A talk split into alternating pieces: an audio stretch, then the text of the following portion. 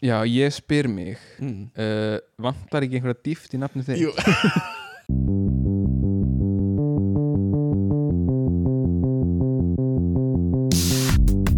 Halló er eitthvað að frétta.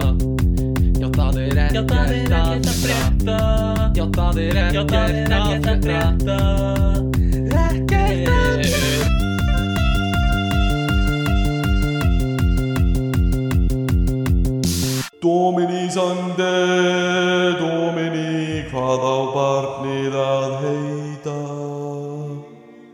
Lambergur? Lambergur skýri þig í nafni föðurins og sonarins og heilagsanda. Afsakið, afsakið Get ég breytt? Dominí Padre, hvað á barnið að heita? Lúmbergur Ég skýri þig Lumbergur í nafni föðurins, sonarins og heilagsanda. Eða kannski býtu Hvað á barnið að heita? Já, Lambergur er kannski bara gott Sem sagt þetta fyrsta sem þú sagðir á það. Já, Ég skýri þig Lambergur í nafni föðurins, sonarins og hins heilaga anda. Lambergur. Hmm. Páska Lambergur. Um, velkomin í Ekkert að frétta uh, þáttinn sem uh, lauruglumenn hlusta mest á. Uh, eða þú ættir að velja eina svona starfstíð til að vera sko dolfallnir hlustendur. Hverju myndir að velja?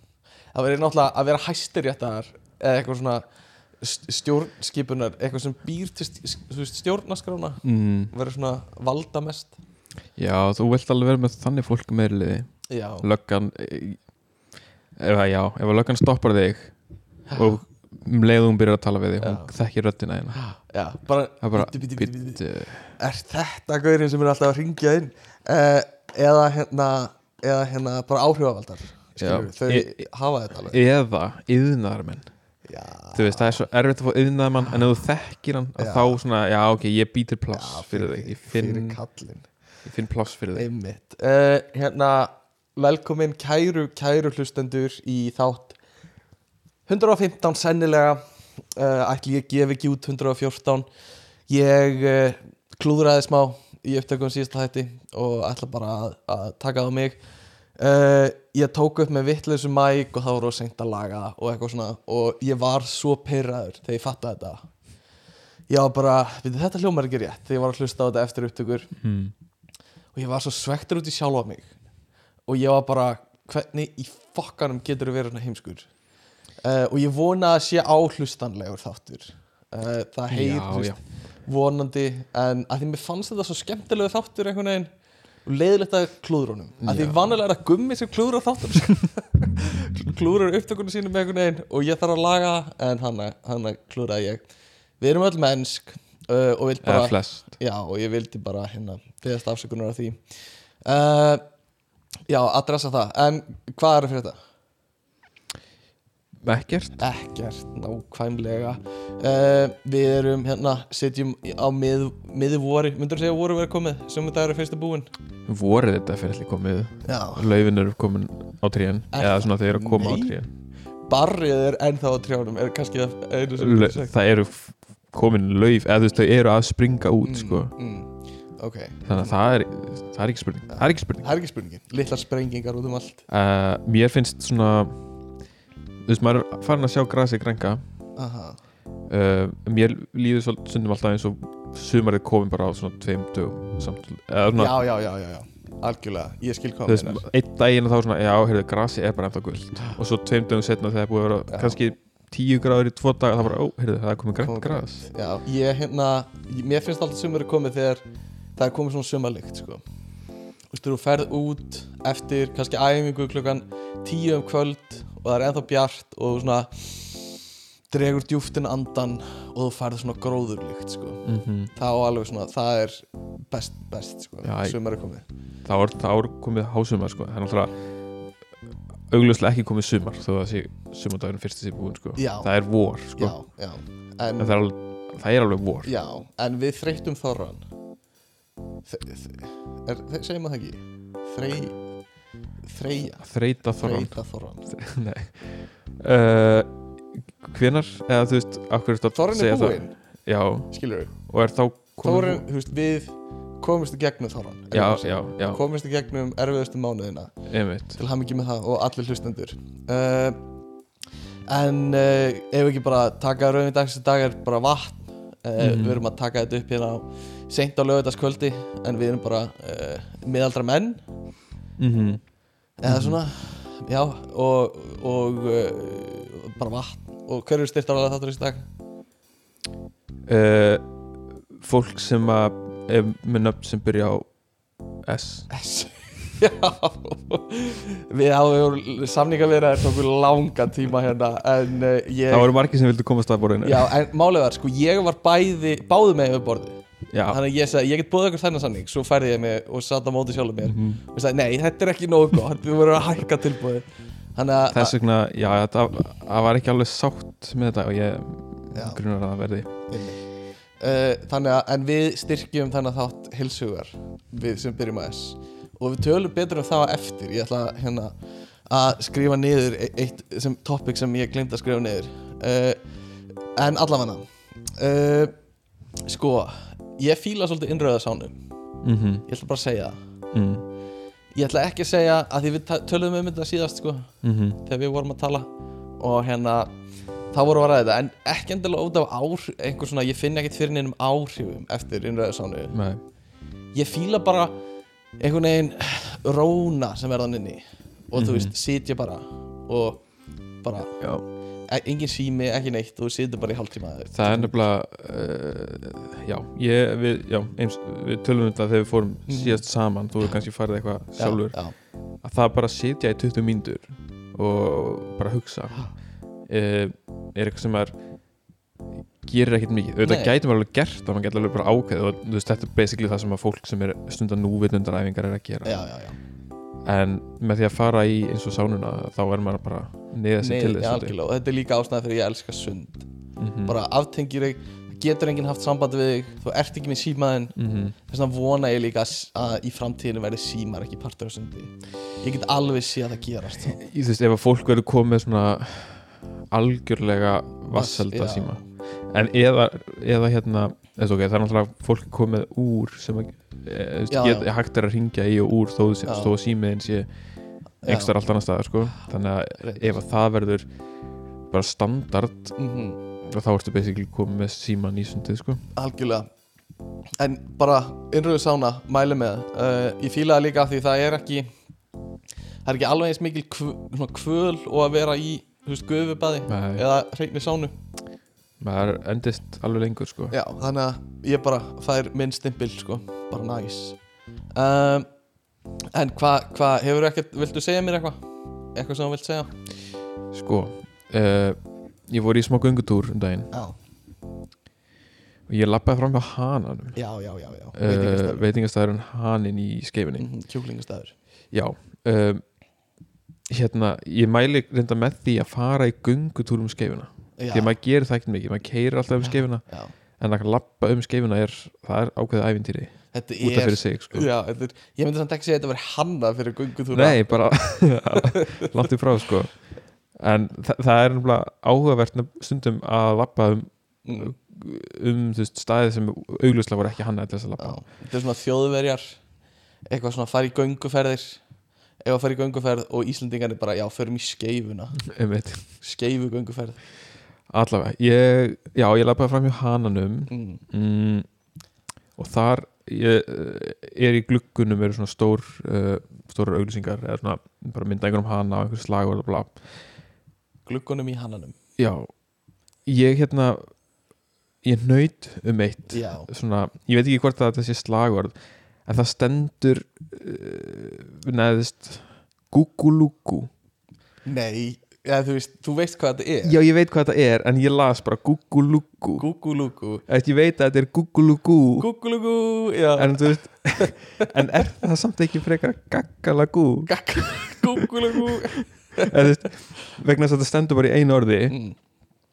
Gugulugu Gúgulúgú sem er bara svo asnalegt. Líka vegna þess að það er 2G í, lokin hjá þeim. Mhm. en þú veist, ég myndi segja að það væri sko 2G f- frist, þú veist, gúg eða gagg frekar og svo lagú með einu G. þannig að ef það stæði gagga lagú Mhm. þá væri þetta ekki jafn asnalegt. En gúgulugu Gúgulúgú Þetta er gott á hanan, Gúgulúgú Mér finnst þetta Mér finnst þetta skemmtilegt, þeir eru léttir að leika sér sko. uh, Ég vil líka láta hlustendur vita að ég fæ send frá Björgvinni og bróðir hans og ég sendi líka alveg sjálfur. En þú veist svona, svona þrjú svona að- þrjár svona aðtöðasendir í viku það sem er bara mynd af einhverju. Og svo hvað er í gangi hér? Af hverju er gúgulúgu hérna? Eitthvað svona. Og svo ræðum við það. Það þarf einhver að spyrja stóru spurningana. Þannig að, að hver, hérna, hver einasta frétt Mhm. sem maður lesi svona grandskoð Já. Bara svona það er stafsendingavill þá bara eitthvað, "Ey, hvað fáið þið Já, okkur er þetta að skrifa svona er eitthvað?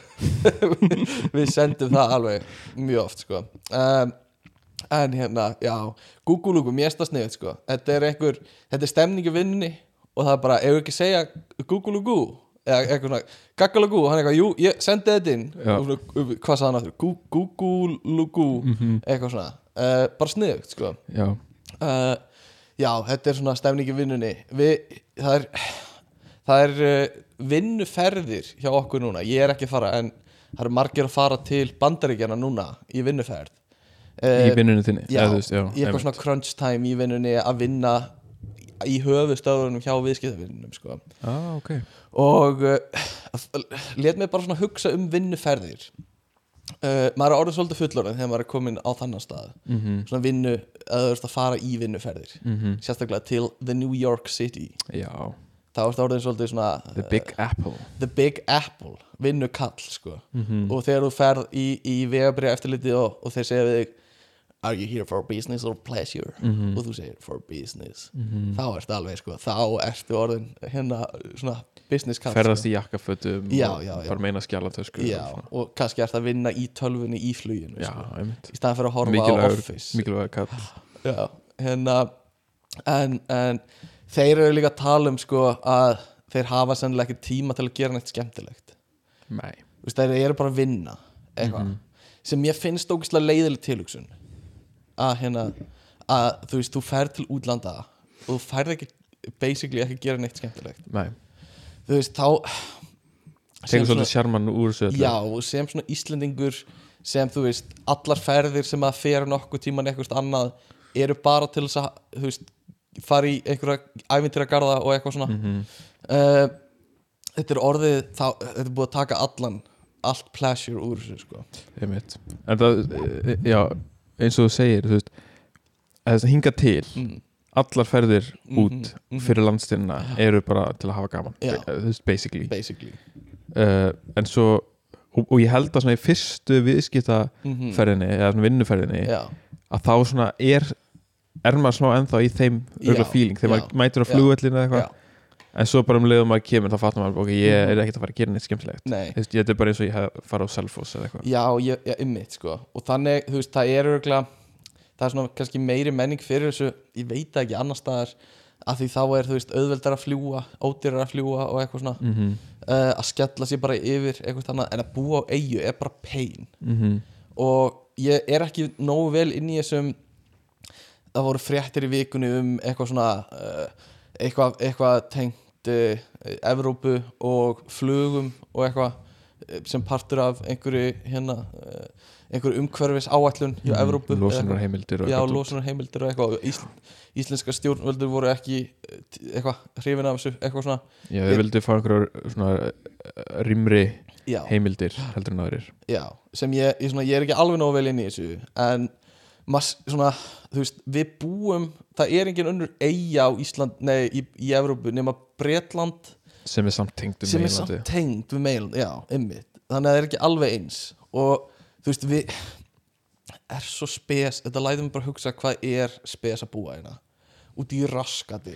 Aha, og þú veist, eina einu tengingana sem við höfum er að taka norrænu sem er bæði vei æðislegt, skilur, skemmtifærðarskip af hæstu, bara hæsta klassa. Já, uh, eða fljúa og við, þú veist við þekkjum ekki að keira til annars lands. Nei. Það er bara eitthvað sem er ekki í okkar orðaforða sko. uh, þannig að, að hérna að, já, bara brenglaða búið hérna, hvað er að pæla? ég veit það ekki. Ég, veist, hvað voru þeir að pæla sem kominga fyrst? Já, já. eða þú veist, það voru bara einhverju lúðar frá Noregi, sko. Já, en bara svona fólk í útlegð bara, Já, ok, förum bara e, veist, við vorum búin að heyra þessu þannig að skeri. sko það voru írar sem vildu bara fá að vera í friði skilur já, einhverju papar, einhverju munkar sem bara ok, við viljum bara þögn, skilur bara Mhm. fá innröða sána og bara chilla og svo komu bara einhverju svona einhverju, einhverju glæpamenn eða lúðar frá Nóri sem bara, hérna, við fundum ekkert land í Nóri megum við koma og hérna kannski setjist að hérna, eitthvað svona. Geta að kalla sér landnema já, bara fóru nú langt í burtu. Eh, það er svona eina fólki sem vildi komika og ég held held rosa mikið að, að við höfum bara komið af svolítið svona lúðum sko. mm -hmm. bara sem fundi ekki sinn stað og meðal siðmetaðara manna í Noregi og það er alveg ennþá í genunum okkar já, já, já, bara 100% sko. þannig að, að hérna, við bara já, við erum bara lúðar sem bara þurftum að búa eitthvað annar stað Homo sapiens loser losers, já, eiginlega um, en já, vinnuferðir uh, bara hérna, ég veit ekki ég er, ég er ekki drosa spenntið fyrir þessu sko. ég nenni þess ekki ég held að það finnst einhverjum sérstaklega gaman að fara í Nei. vinnuferði sérstaklega uh, þú veist, ef þú ert að fara í reglulega vinnuferði segjum bara, þú veist, og, ok, mörg íslensk fyrirtæki eru í samstarfi við kannski einhver fyrirtæki eða Mhm. móðu fyrirtæki eða eitthvað á Norðurlöndunum já, og þú ert kannski að fara í mánarlegar vinnuferði til Svíþjóðar skelfilegt í mínum huga þú veist, og, og veist, þetta er bara þú veist, þú ert að keira í klukkutíma til að komast á flugvöldin, svo þarf þetta býða þær í klukkutíma. Og svo Mhm. ferði í flug sem er, Mhm. þú veist, eitthvað. Og þú ert örugglega að vinna allan tíman á meðan á Mhm. þessu stendur. Mhm. þú veist, þú ert að vinna á flugvöldin, þú ert að vinna í flugvöldinni Já, og svo kemur þú að það einhversu sækir beint á eitthvað fund, veist, þetta er ekkit gaman. Nei, þetta er alveg ömulegt held ég. Og þú veist að hérna það eru, ég var að sjá einhverja fréttir um að Ísland var að hvort það var eitthvað fyrirtæki eða eitthvað sem var að ráða einhvern breyta eða eitthvað til að vera forstjóra eða eitthvað svona. Og í viðtalinu var hann að tala um já, ég ætla bara að vinna þú veist, fljúga í hverju viku og vera þrjáta á Íslandi. þetta, er bara, sko. þetta hljómar svo illa að þurfa að gera þetta. Og þú veist, þú getur ekki bara chilla í flugvélinni af því þú þarft að nota fyrir hádegi til að vinna. Mhm. þannig að þú ert að vinna í flugi og ert svo, þú veist, kemur og ert eitthvað svona fokkt eftir flugið og, veist, ég veit ekki. Mér finnst það ömulegt tilhugsun, sko uh, en annars bara góður bara hress, sko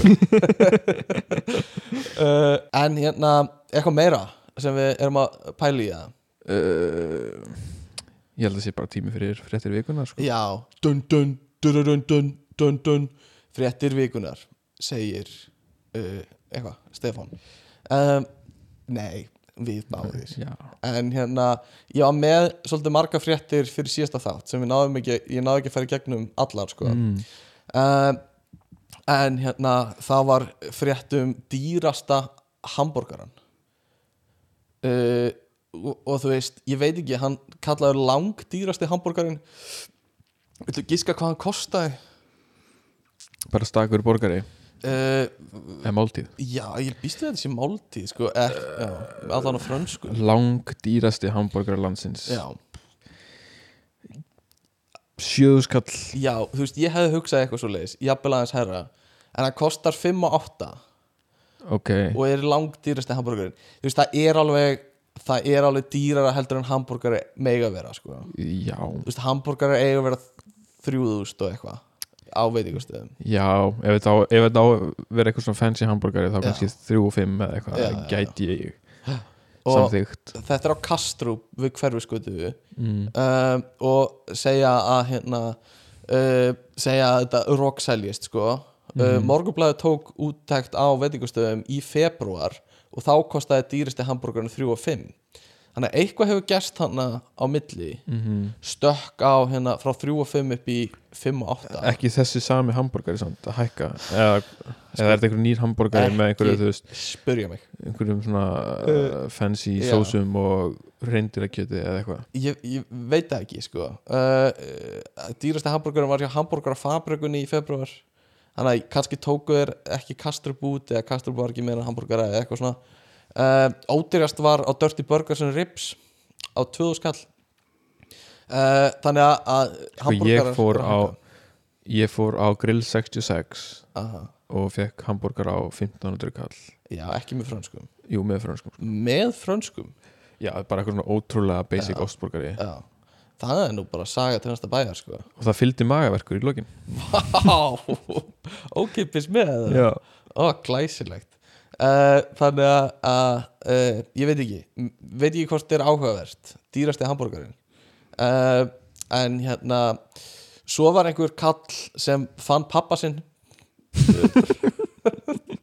Það var búin að vera eitthvað, já, ok. Þetta er sérst gaurinn í hann að læginu Býttu pappi já, Býttu mín. Nei, þetta er ekki hann. Þetta er, þetta er gaur sem hérna sem fór að leita pappa sínu sem var semast ófeðraður alla sína æfi mm. og, og er frétt um hann hérna. Ég las þessa frétt uh, í vikunni og er svona að rifja hann upp núna. En hérna hann er 50 núna og fór að leita pappa sínum uh, og, og uh, fann hann og sem sagt ringdi, þú veist, bara og komst í samband við hann og þeir eru að þróa samband eða eitthvað svona.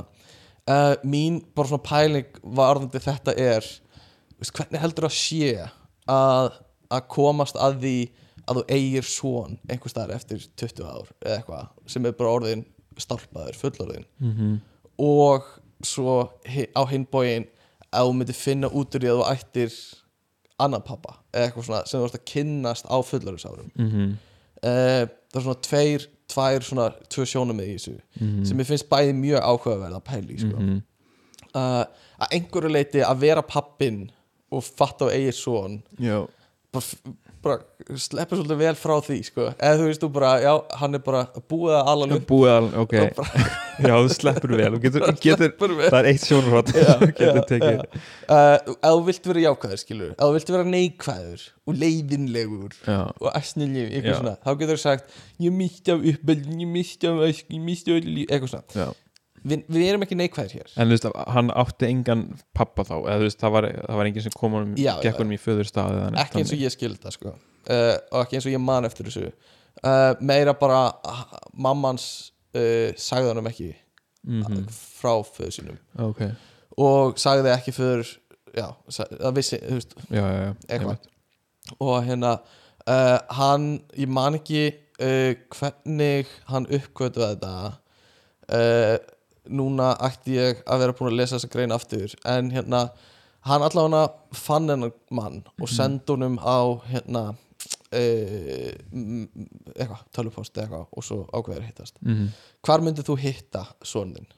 hvar myndir þú leggja til? myndir þú bjónum heim beint eða eitthvað svona betri staður en annar? Ég veit ekki, te og kaffi á Lækjartorgi já, já, ég heldur við þegar við hittumst að kaffehúsi sko. kannski er tí á kaffalækjartorgi víst að bara, svona, an, bara á klukkutíma fresti bara, þú getur bókað að þú ferð ánga að þú sérð uh, svona Já. tvo menn sem virka líð út fyrir að faður og Já. þá er það út af þegar það er að hittast í fyrsta skipti Mhm, alveg 100% sko. uh, en hérna mm, já, þannig að þetta var svolítið svona skemmtileg frétt, mér finnst svona frétt skemmtilegar mér finnst allt svona hérna, uh, eitthvað svona líka bara, ég væri svo til í eh, hérna lúms til í að uppgöða þetta ég er tvípur eitthvað starf út í bæ Mhm. skilur Mhm. uh, og eitthvað svona Já, eh, ég held að þú veist, það getur örgulega verið næs en það getur líka örgulega fyllt í mikið svona áfall, sko alveg 100% ég er ekkert að grein ég er ekkert að fara lengra með pælingunni heldur en bara að það væri úkislega gaman en hérna ég, Einegi týpur, þú myndir bara alltaf hitt Ég mæta hann á götunni ég er að segja það sko. Eitthvað svona, hérna, mér finnst það mér, mér finnst það ókislega áhuga, eða skemmtilegt Já. spennandi, eitthvað svona. Mm, uh, líka af því ég held að mér langi í, í sko yngri sískinni yngri sískinni mm, uh, já, ein- eldri bróður. Mhm. uh, og það er bara næs sko að eiga eldri bróður en ég væri líka til í að eiga veist, annarkvort yngra sískinni eða, eða þú veist, tvíbra eða eitthvað. Ok, en ertu það samt ekki að segja að þú væri til í að hafa átt allan þennan tíma yngra sískinni? nei, nei, nei, Það myndi ekki breyta neinu ef þú verður að eignast það núna. En þú hitt eitthvað gæja sem verður þreymur orð yngri en þú og við erum bræður. Já. þú veist, þú er búin að missa af allri stríðinni sem þú hefði geta valdið. Nei, þú ert að miskilja uh, ég er ég er að fá bara rosa bara, ég þurfti ekki að taka þátt í uppeldinu sko. Já, ok. Um, þannig að hérna ja, að hitta yngri bróður núna uh, sem, sem gæti litið upp til mín skilur mm. og væri bara mm. vá ég er bara með eitt podcast. Þú með svona mörg eitthvað svona. Uh -huh. Uh, nei en hérna skemmt, mér, ég er mjög gaman að þessu og mér finnst, mér finnst ógslag gaman að lesa þessi frétt. Þeir virðast vera allir bara mjög svona næs fjölskylda gaurar sem eru að hittast og, og hérna bara frábært, já, frábært bara frábært og æðislegt sko. Um, eldstutt eldstutt, eldsnögg frétt um, hérna, sem er á DFF okkar allra besta miðli sem er, ég ímynda mér að blaðamenn þar séu svolítið bara að vafra um á BuzzFeed og eitthvað og þýða greinar það já, já, það er bara þeirra starf sko. Já, Það mjög gefandi og gott. Já, á meðan kannski MBL blaðamenn og hérna vísis blaðamenn eru þú veist á CNN og BBC mm þá er DFF á þú veist BuzzFeed og, og hérna eitthvað svona þannig miðlum Mhm. TMC og eitthvað. -hmm. mm, en hérna þá var umræða um sko Haribo nammið, Haribo Bangsa. Um, og fólk var ekki nóg sátt með bragðið á græna bangsanum. Ok, og vilt þú giska hvað það er um, yfirlýst bragð á græna bangsanum af því þetta fór á Bara, flug veist, á Reddit sko. ef ég ætti bara að gísk ok, ég myndi bara að segja epli já, eða eitthvað, eða pera kannski Já, en þú veist, epli er held ég það sem liggur beinast við sko. um, En það er víst jarðabærja bragð ok, á grænabangsunum ok uh, Ertu reyður eins og, eins og uh, netverjar? uh, er ég í uppnámi? Ertu í uppnámi? Nei, alls ekki vegna þess að ég, ég, ég veit að af svona nammi hlaupi og drasti sem, sem kemur og það er í mörgum mismunandi litum ég veit að það á að vera eitthvað svona bragð, Já. Öðruvísi bragð en ég hef aldrei pælt í því. Ertu ekki að segja mér að þú væri stattur á te og kaffi á laugaveginum og það myndi eitthvað svona hnippa í þig tói í peysuna þína og það væri græn hlaupbangsi sem myndi segja við þig ég er jarðabærjabangsin skilur, eru þeir ekki reyður þegar þú myndi fatta það? Nei, eru þeir bara sáttur með að hafa lifa lífinu þínu einhvern veginn? Eftir, ég hef aldrei ég hef aldrei reynd að greina bragð af hlaupangsa. Nei, nei, nei, nei, nei. þannig að uh, auk þessum að þú veist, jarð, svona gerfi jarðabæra er ekki jarðabæra nei. er ekki alvöru en nei, þú veist, það er augljóslega allt öðruvísi heldur en jarðabæra what? já, það er alveg rétt. Um, en þannig að sko appelsínu guli er appelsína guli er sítrána rauði er uh, raspberry sem er, hvað, hindber? Já, og uh, hvíti bánsinn er ananas. Já, ananas. Einmitt. Eða pineapple eins og Já, pæna þeir kalla það. Uh, uh, og græni bánsinn er semst jarðaberja En þú veist, mér er alveg sama því ég tek bara lúku fylli og treðum upp mig já, og, já, og blanda bara, Ég finn bara eitt bragð. Eitthvað svona sigur drullubræð einmitt. Um, svo í vikunni var svona skildufrétt um einhvern sem var að grenna sig mjög mikið um, sem fór í einhverja hjáveit aðgerð og eitthvað. Þú veist, er ekki komið tími til að hætta þessum fréttum um, Jú. En þú veist, það er greinilega klikkað á þær af því það er alltaf efst þetta er í finnst einustu vik asnalegt og ég, ég held að ég klikki ekki mikið á svona. Já, en veist, ég skil alveg að mm þú veist, fólk, líka vegna að fólk eh, þú veist ég veit ekki, kannski er það bara mjög náttúruleg viðbrögð hjá mannskeppninni þegar Mm. hann sér eitthvað hvernig gengur? Æ, mér var að mistakast Eh, Já, hérna Enga húmor sem engin hlustandi mér skilja. Ef við værum með, þú veist, myndavælar Já, allavega. Mm. já, þú veist mannskefnan er þannig að þegar, þegar, þegar verða breytingar þú veist, þegar einhver svona allt í einu Mhm. þú veist, er orðin eitthvað mjórri eitthvað svona, já, býtu, hann er alveg búin að grennast svona mikið. Já. eða, e- eða ef einhver hefur stækkað. Mhm, þú veist, það, vekur alltaf einhver svona aðtekli mhm. Og ég er alveg sé, segur um þetta þegar maður sér einhvern sem var kannski alltaf mjög grannur og svo sér maður hann og hann er, mhm, þú veist, hefur stækkað. Og þá svona, já, ok, þetta, þetta gerðist. Og, bara einhvern svona ósjálfrátt ósjálfrátt hugsun sem kemur upp í hausunum manni. mhm. uh, þannig að þannig er bara svona einhver forvitni Já, á bakvið, sko. mér finnst það samt að gera mat úr þessu svo eitthvað svo smá uh, suppulegt hjá ég, blaðafólkinu ég er alveg samlega því. Uh, en þau gera mat úr þau gera bara mat úr því sem fær klikk Já, og þau gera það og það þannig bara- virkar það bara. Uh, Tengt þessu þá var grein á MBL um, endur heimta sína upprunalegu rassa mm um, sem fjallar um það að það er vist mjög vinsælt núna í New York sérstaklega í bandarækjunum með einhverjum ástæðum að taka út rassa uh, fyllingar, einhverja mm. buttlift eða hvað sem það heitir. Um, og minka rassana sína og stórstjörnunar er að gera þetta -hmm. sem er bara partur af einhvern veginn mm, hvernig svona fegurar standardar breytast í Mhm. gegnum tíðina held ég uh, þú veist í kringum aldamótin var að vera mjög grannur uh, rosalega eitthvað svona eftirsóknarvert og já, svo þróaðist það og, og síðustu kannski fimm árum var að vera með svona uh, hérna stundarklassar eitthvað líkama það, það er alltaf einhverjum sem taka þetta alveg út í öfgar. Já, það er alltaf já. þannig. Já, já, en, en hérna máli er að svona, þeir sem eru frægir leggja svolítið línunar í því hvað á að vera svona samfélagslega einhvern veginn fallegt. Já, og svona þetta er ég hef rætt þetta áður í podcastinu um sko svona fegurðar hvað er, hvað er fallegt og eitthvað svona eða svona hvað er, hvers konar manneskjur eru fallegar og þetta er svo menningarlegt. Já, að þú veist, mér finnst svo erfitt þegar fólk er að greina eitthvað svona að þetta er líkamleg eitthvað svona, þetta er bara byggt inn í DNA-ið okkar að finnast þetta fallegt og þetta fallegt, eitthvað svona. Ég er ekki viss um að það sé endilega þannig, ég held miklu meira að það sé menningarlegt, sko. Já ég held að það sé alveg þú veist, ok, getur öll að segja bara, ég held að það sé bara bæði. Já, en ég held að sé bæði. Það er sannlega eitthvað bæði, sko. En það breytist bara svo ógisla mikið. Já, um, ég ég held að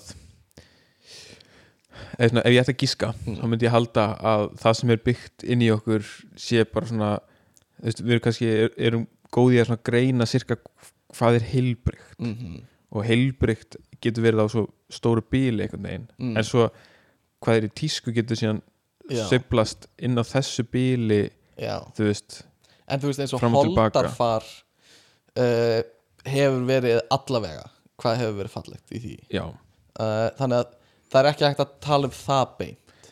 Nei, sem eitthvað svona og þetta er, svona, þetta er náttúrulega mjög flóki topic mm um fegurð og, og hérna uh, alls konar, ég veit ekki ef ég ætti að snegla eitthvað eitt niður sem svona, uh, sem svona stend stímans tönn einhvern veginn fegurð symmetría er ofta eitthvað sem er talað um. Já, um, kannski eitthvað svoleiðis og, já, svo eru til eitthvað sem heitir svona conventional attractiveness eða eitthvað svoleiðis Mhm. sem er bara svona þú væri myndalegur allar aldir aftur í tíman einhvern veginn mm um, og þá er oft ekki einhverja ígjur skilur þá er oft Já. bara svona svolítið svona mm, já, svona down to earth einhvern veginn Mhm. gó, myndalegur mm um, en ég veit ekki uh, allavega taka út stóra rassa sem kostar og þetta er eitthvað sem ég sendi á tjattið uh, það stendur í fréttina að kosti uh, þri, já, semst, þrjár og hálfa miljón miljóna króna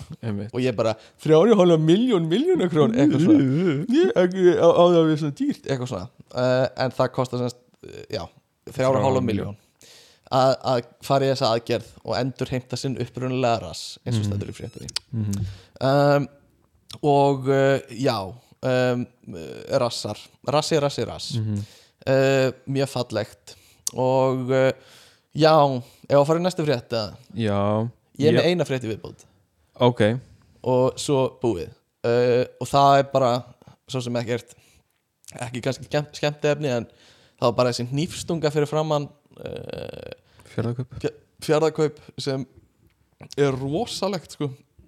Við vitum náttúrulega ekkert mikið um það núna afsaki, eins og er en þú veist, bara einhverjir úlingstrákar sem og einstelpa er einstelpa? Ég, uh, ég held að það verið fjór, fjórir úlingar eða fjór ungmenni. Ein, eina af þeim var stelpa.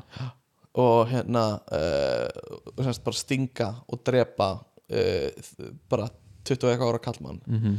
Uh, að því að verðist bara þekkja hann ekki ótengdur þeim og Mhm. hérna, þú veist, hvað hva er gerast þegar þetta gerist ég skil það ekki. Veist, við vitum ekkert aðdragandan eða hvað gerist en, en samt þú veist uh, þetta er ógeðslega óhugnalegt eitthvað. Maður heyr alveg reglulega af einhverju bara svona algjörlega handofskjöndu Mhm. ofbeldi. Mm og þetta er ekki miðbænum eins og þú veist, er, bara er yfirleitt ef það er eitthvað svona. Bara á tjamminu eða eitthvað, mm -hmm. en þetta er bara í, í vinnuveku, veist fólk er að vinna, skilur og hérna uh, og bara fyrir fram fjárðakaup bara saklausustu búð einhvern veginn á höfbrókusvæðinu mm og ef þú ert ekki örug örugur fyrir fram fjörðaköp nákvæmlega. hvað ertu þá örug? Þú veist Brimborg eða eitthvað. En annars en þú veist, þú þarft að vera inn í inn Brynborg. Í Brimborg þú getur ekki verið svo utan hann Nei, um, og hérna okkar allra besti lauruglumæður Grímur Grímsson mm -hmm. uh, er náttúrulega með þetta mál á sín, sinni könnu sko. Uh, en já, bara að vera stungin þannig bara af einhverjum hóp ungmenna. Uh, þú veist, er heim, fer heimur versnandi? Mm, já. Það er einhver svona ógnar alda undir yfirborðinu já, það sem fólk Eh. gengur um með, með hérna nýfa það er tí sko. Já. Um, Já, þetta var svona síðasta kannski fréttin. Svo er ég með bara hérna Gilva sig, ég veit ekki hvort nefnum að ræða. Nefna bara uh, Hérna uh, Þetta var tekið fyrir vikunni Fyrir viku síðan. Já, Og það var óþægilegt alveg einstaklega. Alveg Marteini. óþægilegt. Þú veist, þetta mál er ömulegt Hvernig sem á það er litið. Mm -hmm. uh, ætlum, ég ætla ekki að fara að greina það neitt mikið. En bara þú veist ef þetta er satt er það ömulegt ef þetta er þú veist það er eitthvað einhver miskilningur eða, eða þú veist þetta er ekki satt en að gæðsalappa þá er það líka ömulegt Mhm. af því þú veist það bara kemur mjög illa fyrir bara gilva og eitthvað svona Mhm. mig, þú veist ég ætla ekki að halda hennu fram en mér þætti erfitt að draga þá álugtina þó að málið hafi færið svona að gilvi sér saklaus mér finnst það ekki beint hægt að segja það en Nei. það er líka ekki hægt að segja hans í segur skilur það, bara, Nei. það fór ekki fyrir dóm við vitum við vitum basically jafn mikið að við gerðum fyrir tveimur árum þú veist, almenningur algjörlega uh, þú veist, það er alveg hægt að draga það áliktun að fyrst hann um, þú veist, ef hann var til að byrja með settur í stofufangilsi mm eða, já, farbann Mm. mm. kannski ekki stofufangilsi beint, eða ég veit ekki nákvæmlega hvað það var að það hafi verið eitthvað já, eitthvað já, já, já, uh, þú veist og svo kannski ég veit ekki þeir sem, er, hérna, þeir, þeir sem voru að rannsaka þetta kannski bara fokkuðu sig eitthvað upp eða panikuðu eitthvað það fundi ekki nei fundi ekkert og, ekkert svona halbært eða eitthvað og gáttu bara ekki ákært. Um, en það alveg ræðilegt að vera í tvö ára að leita, leita því sko. Já, og, og þú veist eins og uh, það var svona Dóri DNA var í vikunni þegar þetta var tæklað Mhm. og hann, sa- þú veist, það var ágætið punktur hjá honum sama einhvern veginn hvað gerðist þá hefði ég eiginlega átt að afgreða þetta helst hraðar eða þú veist, Mhm. það er skrítið sama hvað, hvað þetta tók langan tíma Mhm. einhvern veginn um, og maður veit ekki á hvern það skrifast Mhm. en hérna Guð minn almáttur, hvað mér fannst óþægilegt að horfa á þetta í vikunni það þetta er einhvern veginn það er líka svo að því Eiklo Hilmars var þarna já, Og hún var bara- ég, og bara hún...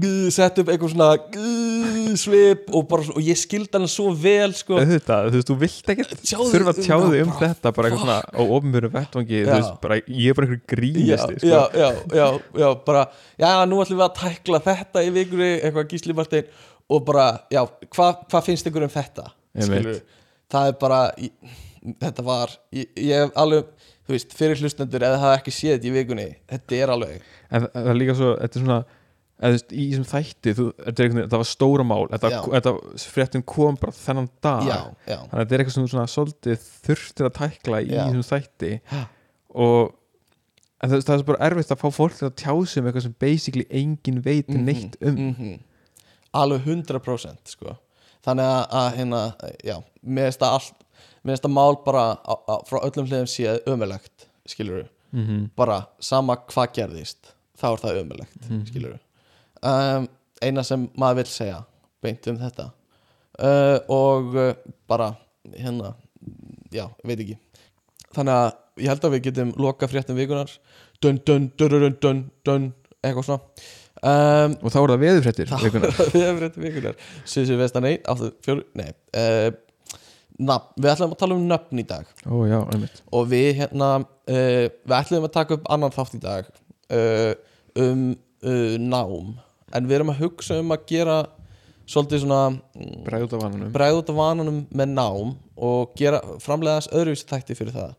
Og, og hérna vonandi gengur það vel og við getum sett þá inn seinna. En hérna það verður bara við útskjörum það betur þegar þar það kemur um, en hérna þannig að, að svona mér dætt í huga bara taka nöfn fyrir um, út frá einhverju einu kommenti sem þú komst með um eitthvað tengt nöfnum, ég man ekki hvað það var. Uh, og þannig að ég hugsaði bara tökum bara þáttum nöfn. Og fyrsta spurning sem liggur bara í augum uppi ert þú sáttu við nafnið þitt? já, já.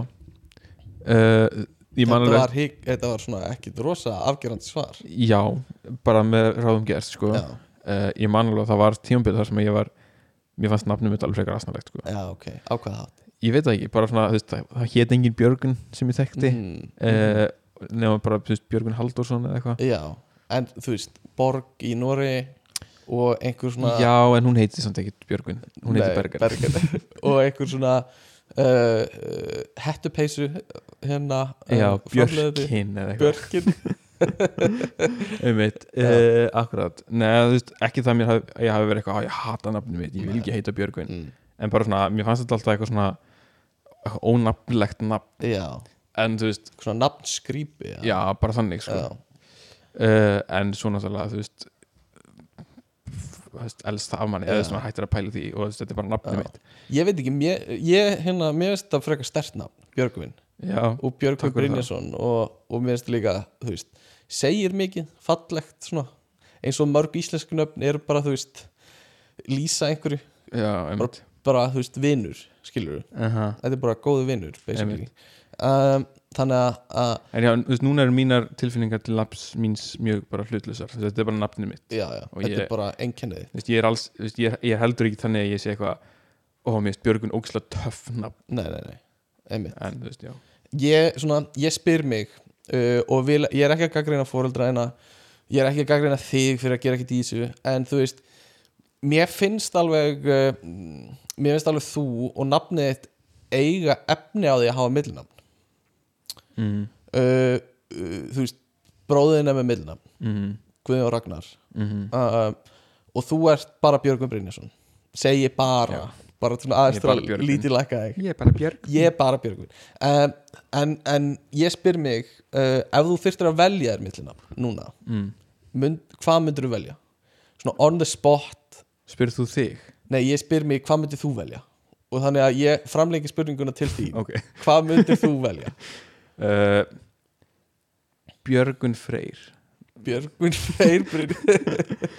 Það kom svona smá skringilega svipur á Björgvin eftir þetta. Ég, þú veist, ég held að það þyrft alltaf að vera eins atkvæðis já, já, Björgvin Þór.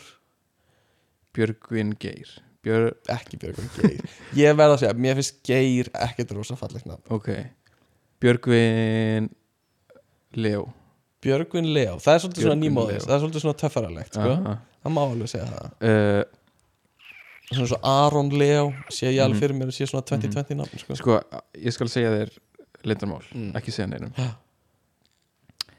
Uh, pappi minn vildi ekki að ég heiti Björgvin eða Ó, jú, hann vildi að ég heiti Björgvin afi minn heit, í Já. heit Björgvin. Uh, en hann vildi að ég héti Níels Björgvin ok. sem er að nafnið á hérna, uh, af mínum. Já heitir Eh, hétt hann Níels Björgvin já, en pappiðin hétt Brynjar Björgvinsson. Sko.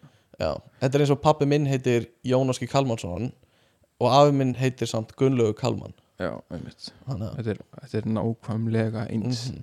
djöfull eigum við margt sameigilegt ég veit það án jokes uh, já, þannig að veist, ég, já, ég hefði getað heitað Níels Níels Björgvin. Björgvin. þannig að þú væri sannlega yfirleitt kallaði Níels ég veit það samt ekki því að ef að afi minn var alltaf kallaður Björgvin veist, kannski hefði ég síðan líka verið kallaður Björgvin mér finnst það svolítið, það er svolítið skemmtilegt.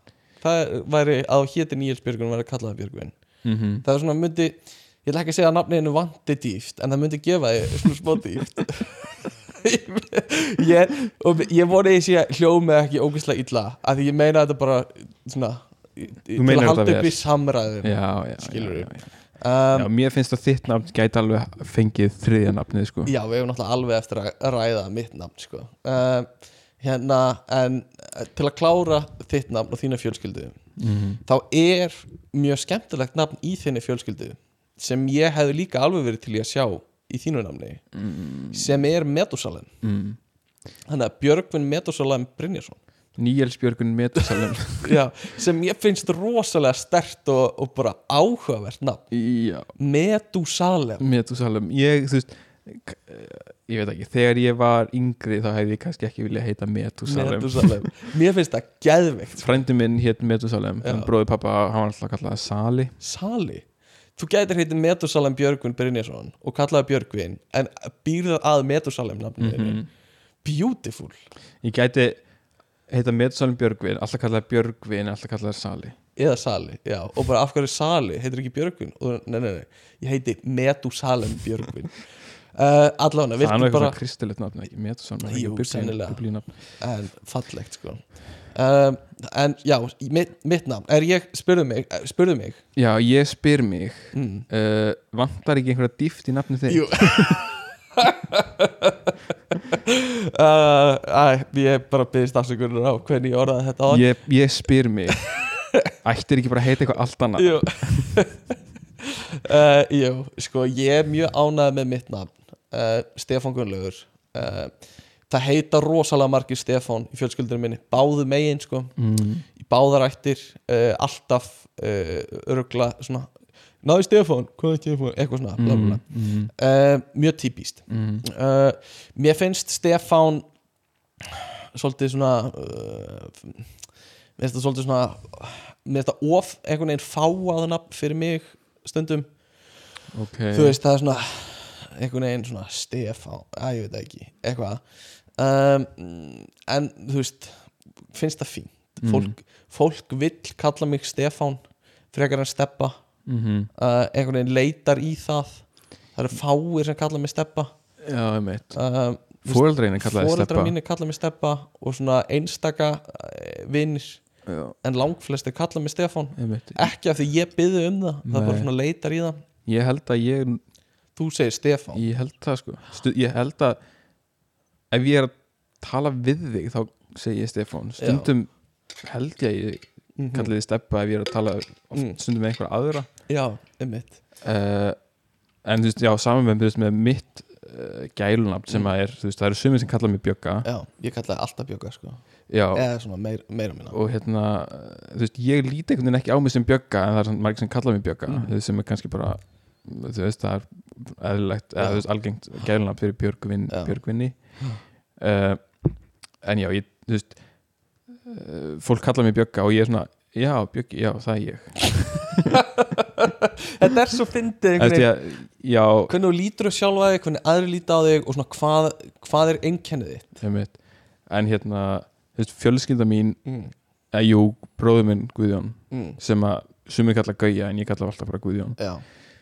Um, hann kalla mig stundum Bjögga og en þú veist, mamma mín pappi, ég man ekki eftir öðru en það noti bara Björg. Björgvin. Já.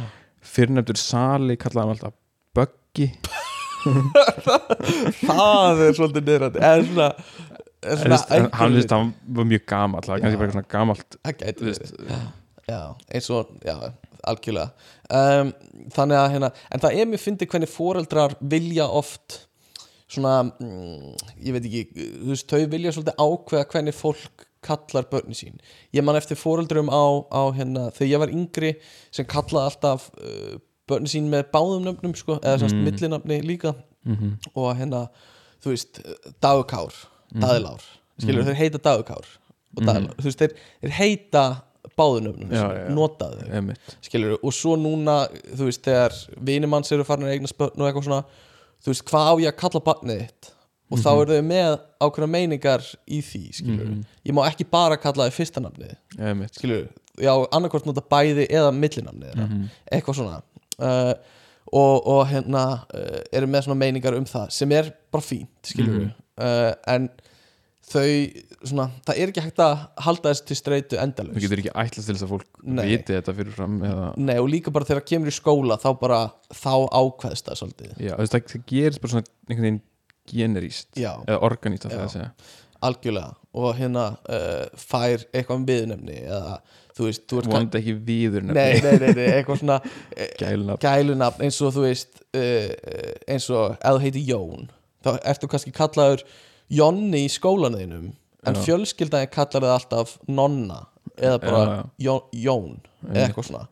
Uh, og það er svo erfitt að stýra því þar nema bara þú veist ef þú sem einstaklingur getur beðið um að láta kalla eitthvað annað þá ættu náttúrulega allir að virða það. Já, já, um, en hérna, já, við vorum að tala um mitt nafn. Uh, höldum áfram að tala um mitt nafn. Mm -hmm. Stefán, mér finnst það flott núna. Mm þú veist, mér finnst það já, svolítið svona uh, virðulegt. Þú veist, það er kristilegt og hérna maður svona, uh, það er alltaf spurningumerki sett við það. En hérna, bara fínt nafn Gunnlaugur finnst mér mjög gott millinafn. Ég, mm Mhm. veist, ég heiti Stefán Gunnlaugur. Uh, ég myndi ekki vilja heita Gunnlaugur af fornafn, fornafni sko. ok, ég er mjög sáttu við að hafa þessi millinafn sko. uh, og, og ég vil ekki að það sé stitt Gunn eða Gunni. Steppi gunn. Eða Steppi Gunni eða eitthvað svona uh, þú veist, ég er ekki hrifin af því. Mér finnst Gunnlaugur bara stert nafn og á að vera sagt í heilsinni mm svona er mín skoðun á því.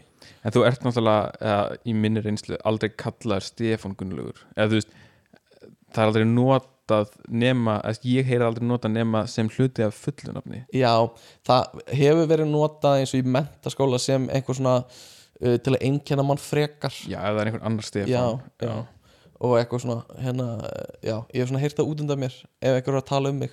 Já. svona, hva, Stefán Gullur, hvað er hann að gera, eitthvað svona bla bla uh, en, en ég er mjög sáttur við það sem millinafn sko. Mhm. mjög ánæði með það uh, og hérna uh, ég hef svona hugsað og þú mátt endilega svara líka ef þú eru þér fræguleikar í Hollywood Mhm. hvað hérna hvað myndur þú kalla þig? BJ Nei, nei, nei, nei, nei, nei. nei ég veit ekki þetta er svona svipu spurning og þegar ég fer hérna þú veist, til útlanda og er að panta mér mat einhverstaðar og einhver spyr hvað heitiru og þú veist, stundum að segja bara ég heiti Bob. Bob. Bob. Bara til þess að þú eru ekki að segja já, ég heiti Björgvin. Já, já. en þú veist, ég gæti kannski sagt eitthvað svona Björgvin. Eða það er þannig sem að ég veit ekki, bandar ekki menn eitthvað myndi lesa það er bara Björgvin. Björgun Já, einmitt. Uh, Félagi okkar sem var í Hollandi Við hefum sagt þetta áður í podcastinu Heitir Hjalti uh, En allir kalla hann Sam. Mm, Bara, þú veist, Ok. það er bara svona típist dæmi Bara finnum einfalt nafn. Einmitt. Og hann var ekki að reyna að finna eitthvað sem byrjar á H eða eitthvað svona Bara einfalt nafn Sam. Og bara, vinnir hans kalla hann Sam það, ok, og hann var sáttur bara? Já, eða hann Ok. talaði allavega þannig við okkur sko. Ok. Ég hef aldrei séð þetta in action. þetta hljómar alveg svona boring nafn þannig séð. En kannski er það það sem hann vildi. Ok, Bara eitthvað einfalt og, og boring sko. Bara sem allir geta sagt Og það geta eiginlega allir sagt nafni mitt Til dæmis í útlöndum. Mm en mér finnst alveg ok, ef ég á að segja eins og er eins og mér finnst. Já, ok, ég skil alveg ef þú ert eitthvað svona eins og ég var að segja ég fer og panta mér mat og ég segi bara ég heiti Bob. Bob. Að, það er svo gott nafn. Það er svo mikið bara Bob. ég var í uh, ég veit ekki London eða uh, jú, alltaf ekki verið í London bara. Mm og ég pantaði einmitt mat á einhverjum svona take away staf Já. og gæðin spyr hvað heitir þú ég svona, hugsa mér svona undarlega Já, lengi já, já, um, já, og svo já. bara Bob, og hann er eitthvað svona that's not your real name is it ég bara, nei, bara það er of flókið að segja það sko. uh, það er fyndið sko en já, en, en þú veist ef ég væri að kynnast fólki í útlöndum Aha. og þú veist, ég er að reyna að mynda mér eitthvað vinn og Mhm. Þú veist, ok ég myndi ímynda mér, ég myndi bara vilja að þú veist, fólk sem vil kynnast mér bara, þú veist, leggja það bara á sig að læra hvað ég heiti, þú veist, þetta er nafni mitt, þú veist, eða, þú veist ég, það er bara mín, já, já, svona já. það, ég myndi sem ég ætlast til þess, það er svona það minnsta sem getur ætlast til að fólk læri að segja veist. algjörlega. Bjoggi myndur þú sagt ef, ef fólk var að kalla þig Bjoggi já, já, eða myndur þú, þú veist, bara ég heiti Björgvin eða Bjöggi? Ég myndi ekki, þú veist, fara ætlast til þess að fólk sem er eitthvað svona íslenska hrein Ísl, eða þú veist, einhvern fullkomna framburð. Já, og þetta er alltaf lægi að finna einhvers konar uh, gæluna, já, þú veist, til þess að einfalda, þú veist, það er alltaf lægi en ég myndi einhvern veginn vilja að það væri samt einhvern veginn byggt á Mm. nafninu mínu en, Mhm. en ekki bara fundið eitthvað random nafn sem Mhm. er auðvöld að segja. Ok, en segjum á sért að koma til Conan O'Brien í spjallhátt til hans. Mm. myndur þú vilja að Conan svona stömbli í gegnum nafnið? Og reyna að segja bara Björg, Björgvin Brynjarsson eitthvað svona. Eða myndur þú vilja vera með eitthvað svona leikaranafn ef ég er að reyna og þú ert að reyna að meika ef ég er að reyna að meika þá myndi ég kannski reyna þú veist, einfalda það Mhm. þú veist Kóttum með þessu, bara svona ég er, ég er ekki, Við vitum að þú ert ekki fara að gera skjóttu bara eitthvað hérna í beini uh, ég myndi líklegast taka eitthvað sem byrjar á B. Já, uh, en bara Bergen. Skilur við, veist, bara fara það er það bara eitthvað Bergen. Já, kannski. Eða þú ímdar að setja bandaríkja með Já, að byrja það fram þá væri það Bergen. Uh, pff, ég veit það ekki veist, ég veit ekki hvort ég myndi endilega fara í eitthvað nafn sem er til eða reyna að búa til Já. eitthvað. en bara Baggy. Uh, Boggy. Baggy. Boggy. Veist, já, öruglega myndi fara í einhverja þannig átt. já, já. Boggy B. Buggy Buggy, já. Ég var að hugsa hjá Bjó- mér Bjógi. sko Ég gæti verið með Boggy. Boggy. Boggy. Boggy. Það er næs Bogey B. Um, En ég gæti verið með sko Stefan Johnson mm eða bara uh, eins og leikar, leikstörun hérna James Gunn bara Stefan Gunn með tveimur ennum sko. Ef aðeins pælti því sko. Stefan Gunnlaugur Nei já, það væri svolítið erfitt sko. Um, Stefan Gunn Lauger uh, en Stefán nafnið, þetta er merkilegt nafn. Þetta er ótrúlegt já, Bjartur.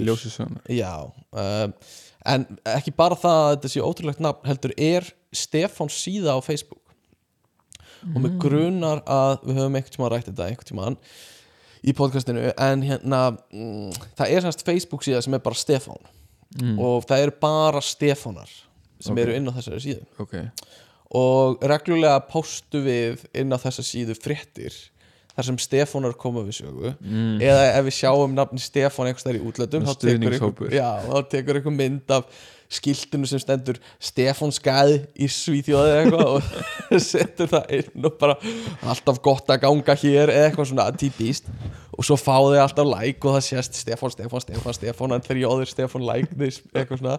Um, og bara góður mórall skilur inn í þessari grúpu það er gott að eiga sér uh, hóp. Og mér langar svolítið að vita eru til fleiri nafnagrúpur að ég hef ekki rekist á það sko.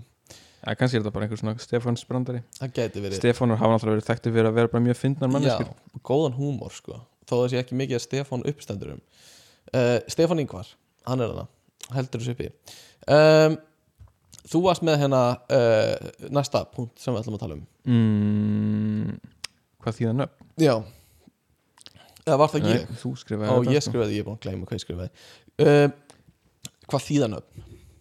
Hvað finnst þér? uh, eru þau mikilvæg og hérna uh, eru þau að fara hverfa í framtíðinni? ok, þegar þú segir þýða ertu að meina þessi einhver svona merking sem, eða bara svona hvaða þýðir að bera nafn Já, sko, það skilur, þetta er einkenni Mhm. til að einkenna okkur frá öðrum mm -hmm. uh, það er ekki þú veist, það er um Jón Jónsson er algengna, skilur Mhm. það er ekki 100% einkennandi það heitir engin annar Stefán Gunnlaugur Jónsson til dæmis um, en, jó, en samt þó heitir Jón Jónsson þá samt ekki kannski ekki margir í þinni búblu sem heita Jón Jónsson. Nei, sannlega ekki. En samt margir. Já, já. Um, Og þú veist, af hverju nöfn? Uh, uh, Þú veist við erum náttúrulega með kennitölur, viltu bara að Já, allir ég noti er, ég er kennitölur næstu að segja það sko uh, já, sæll 16 12 95 uh, Ymmit uh, En þú veist Já, bara hv- hvert er svona gildi nafna? Er þetta, er, er þetta ekki rosa stert í menningun okkar, einhvern veginn? Og- Jú, er ekki, þú veist, þú get, ég held að sé bara þú veist, öllum menningarsamfélögum Já. e- ber fólk nöfn, Já, held ég basically, Já. allstaðar, þú veist, óháð hverju annari, mm allir finna nöfn á sig. Já, ég, ég býst við því. Kannski ekki einhvern tímann í einhverju svona þræla í fortíðinni sko. Uh, einhverju svona þræla lendum eða eitthvað. En heldur að það myndi samt ekki Finna finna einhverju nöfn, þó það hefði ekki verið Mm. gefið nöfn endilega þegar þið fættust, þá myndir þú samt Já. finna eitthvað orð Já, líka bara vegna þess að þú veist, þegar maður er með nafni sitt að þá, þú veist, ef einhver kallar á mann já, eða þú veist, ok, þegar að bara það að heyra nafni sitt í einhverjum klið, Já. þú bara heyrir nafnið. Og þess bara að hafa einhverja leið til að innkenna Mhm. auðkenna fólk, jú, jú. held ég að sé þetta er náttúrulega bara auðkenni sko. Já, um, og hérna mætti vera bara QR-kóði sko. En uh, þú veist mikilvæg er, og hvert er svona mikilvæg í því að hafa nafn sem þú ert ánaði með skilur sem þú tengir við? Mm, uh, mínum huga þá þú veist læri maður ofta að tengja við nafn að setja gegnum árin. Ég held þú neyðist til þess. Því að þú það er ekki ætlast til þess að þú breytir um nafn, þetta getur gert það. Uh, það er ekki, ekki ætlast til Nei. þess. En hvað ef þú þá réttlætur bara nafnið fyrir sjálfur þér. Þú veist eins og þú uh, uh, þú veist þú talar um að þú, þú veist, þú- ég er bara sáttu með gunnlaugur sem millina, já. það hljómar kannski bara svona smá eins og einhver réttlæting, þú veist, þú hefur alltaf heita það, þú, veist, Mhm. þú þarft að vera sáttu við það. Já. En hvað ef þú sættist ekki við það skilur þú þú þá getur þú breytt í já, og, en, en það er lang, lang, lang fæsti sem gera það. Ég- algjörlega, það eru ekkert margir sem gera það. En, en það er samt alveg ég held að sé mikilvægt að þú veist að þú finnir auðkenni sem þú ert sáttur við. Og Mhm. ef þú nærað ekki að læra það þú veist, ef þú heitir bara þú veist, ljótur erlendur kauði eða eitthvað. Mm, ljótur erlendur karl. Já, ljótur erlendur karl skilur sem er löglegt nafn. Og þú bara, þú ert orðin 22 og bara, ég er ekki að tengja við erlendur skilur, eitt, og bara vilt breyta skilur við þá, þú veist, þá náttúrulega ættir að gera það, eða geta það mm uh, en þú veist, er þín meining að við um að push through og bara reyna og reyna? Eða þú veist, hvenar á maður að segja bara þú veist, ég breyti því bara? Þegar það fara að blæða þá hættur að pústur já, ok, Nei, og, uh, í, ja, nei, þú veist þú veist, ef þú ert átján ára Mm. uh, orðin sjálfráða þú veist eða jafnvel þú, eða fyrr, þú veist, ef þú ert 15 ára og þú bara hata nafnið Já. þitt eða eitthvað, ah, skiptu það bara um nafn, þú veist, vonandi samþykja fóröldreinu það. Mm og ef þú ert orðin 18 ára og getur gert það sem vilt. Þú veist, skiptu það bara um nafn eða breytu nafninu eða eitthvað. Í ljótur íslenskur kall Já. ljótur, erlendur uh, ringur ringur, já, beautiful. Uh, en hérna uh, en þú veist, í framtíðinni sér einhvern tíma fram á til dæmis að nafn hefðir á Íslandi breytist mm, kannski bara ef að föðurnöfnin hverfa Mhm. og við tökum einhvers konar ættarnöfn í staðinn þetta er svo áhugavert samt með ættanöfnin er þú veist þetta er allt karlægt skilur við, rosa mikið mm eins og þetta er núna uh, þú færð í útlöndum yfirleitt uh, ættanöfni hjá pappaðinum -hmm. og á Íslandi færðu uh, þú veist, pappaðinsson -hmm. Stefán Gullur Pappasson og hérna uh, en, en hérna segjum að þetta væri uh, þú veist, bara, þú fengir frá báðum skilur foreldrum -hmm. sem ég held að sé mögulega algengt í Svíþjóð eða eitthvað okay. ég veit ekki nákvæmlega hvernig það er samt um, ég veit bara að frængu mínar sem eru hálfar sænskar eru með þúsund nöfn Já, hvorar, já, já. skilur og mér svona grunar að það tengist æ, skiptir ekki máli en hérna hérna uh, þú veist, ef þú ætlar að fá alltaf frá báðum fóruldrum mm skilur, þá bara svona stakkar það upp. Þannig að eftir fjóra kynnslóður ertu með, þú veist, 16 uh, tvei, tveir í fjóra eitthvað, nöfn, skilur mm -hmm. skilur, Já. uh, 16 nöfn. Einmitt. Það veist, þannig að það virkar ekki. Þannig að einhver staðar, þú veist, þarf maður að sleppa öðru hvora nafninu. Kannski mun það munum breytast þannig að í staðin fyrir að taka alltaf þú veist, eins og íslenska nafnahæðin er að þú ert pappasón já, pappasson, eða pappadóttir drengur pappadóttir eða, þú veist, pappadóttir uh, að þú getur tekið að þú veist, að foreldrar annarkvort þú Mhm. veist, ákveða að einhver börnin séu mömmu son eða mömmu dóttir eða séu mömmu og pappasón já, veist, sem, já. það er, það er einhverjir sem að þetta er eru með, eru með þannig, þetta já. er svona aðeins að koma Já, og mér inn. finnst það mega 100% sens á Íslandi af því þá, þú veist, eyðist það bara í næstu kynsluð já, en mér finnst það vandamáli svolítið vera uh, í útlanda það sem eru eftirnöfn sko. mm af því ef við viljum færa okkur frá færaveldinu sem ég er all, veist, all for ég er Mhm. ekki að segja að við erum að halda þessu eins og þetta er ég er bara að segja að það er ákveða vandamálina Mhm. sem er, þú veist þau, þau ra- hrannast upp, skilur -hmm. einmitt, ég held að en, og það er eitthvað við að hafa fjölskylduna með sama einhvern veginn nafn, skilur, Mhm. að, að þú og sískinniðin berið sama skilur, það er ákveðin praktik í því já, og praktík og líka bara eitthvað svona uh, sm- smá fallegt og ég er ekki að segja að þú veist að þú ert í fjölskyldu það sem er alls konar eftirnafn, þá er það líka allt í lægi skilur Mhm. en það er líka, þú veist, mér finnst gaman að ég heita sama eftirnafn og bróður minn til dæmis, Mhm. skilur við erum bræður, við deilum nafni, Mhm. skilur en þú, þú varst að tala um feðraveldi þú veist, þetta er náttúrulega þessi nafnahefð að þú veist, konan taki ættarnafn mannsins síns Mhm. þú veist, þetta er það þú veist uh, á rætur sín að reykja til feðraveldi síns Já, já. og þannig með að býstu því allavega já. uh, en þú veist, núna er þetta einhvern veginn veist, ég mynda mér að þetta sé meira bara núna er þetta bara hefð Mhm. þetta er hefð sem að er, jú, hún komin þaðan en þú veist, því er ekkit endilega að hún sé eitthvað slæm Nei, þú veist, þetta eru, eru konur sem að taka bara upp þú veist, nafn mannsins sín sem bara end, þú veist, endingu á sitt Já. eða þú veist, bara bæta því við já, uh, en væntanlega kannski, eða, ég veit ekki kannski fá þá börnin samt bara ættana Mhm. pappans eða eitthvað já. ég veit það ekki En uh, finnst- en veist, eins og með ég held að uh, þó að uh, Ísland eða Íslands samfélag sem svona Mm. þróað eða þú veist áfram hugsandi þú Mhm. veist varðandi, betra en önnur já bara að mörguleiti mm. uh, já, slæmt uh, já þú veist varðandi jafnrétti kynjan og allt Já. þetta að þá held ég að samt fólki almennt finnist ekkit mikið vandamál þó að börnin sín veist, verði pappa síns son eða dóttir nei, það er einhverju sem finnst það aðstæðlegt en ég held svona flestum þó þeir veist, Mhm. séu 100% feministar eða eitthvað Mhm. að þá þú veist, er þetta bara svona hefð Já. sem að er ekki vandamál já, þú já, já, já. Og, og svo eru bara uh, margir sem vel, eins og við vorum að tala um á bara velja mömmu og pappa þú veist svona, eða Mhm, dóttir mhm.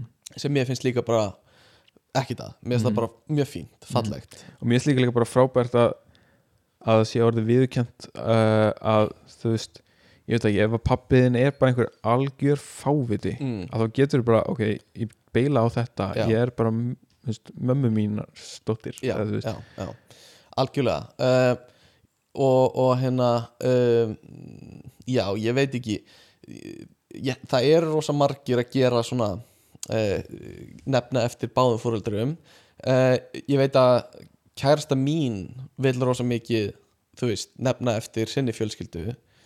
Um, og hérna það skiptir hana mjög miklu máli og, og mér finnst það bara sjálfsagt sko. Ertu að meina að tala um ættanafni Já, já.